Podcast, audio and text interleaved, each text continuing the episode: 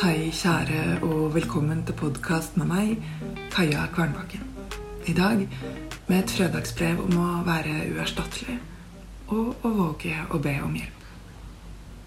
Jeg ser deg, der du står og prøver å balansere på en klinkekuleklode som spinner gjennom universet i en fart du ikke er i stand til å forstå, samtidig som du prøver å balansere hele din verden på to utstrakte hender. Det virker ikke mulig å stoppe. Og stadig kommer det noen og legger til noe. En aldri så liten ting på toppen av alt det du allerede bærer. Hvor er pauseknappen din? Nødbremsen? Reservemannskapet? Må du klare alt dette alene? Eller kan du slippe taket? Ikke i alt, men i noe. Beholde det som gjør at du beholder likevekten slippe taket i det som gjør at du hele tiden må gjøre justeringer. Det er så lett å tro at hvis vi ikke gjør alle greiene, så kommer alt til å falle fra hverandre. Det er så lett å tro at hvis ikke vi gjør alle greiene, så kommer alt til å falle fra hverandre. Du er uerstattelig, men kanskje ikke på den måten du tror.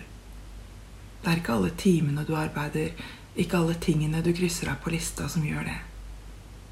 Det er måten du skakker på hodet når du ser en dyrunge. Måten du slikker glasuren av fingrene etter å ha spist kaken som moren din pleier å lage. Det er måten du ler på. Og du har ikke ledd så mye i det siste, har du vel? Jeg veit det er skummelt å be om hjelp. Og noen syns det er et ork å bli spurt. Og det gjør vondt. Men noen blir skikkelig glad for at de endelig får stille opp for deg.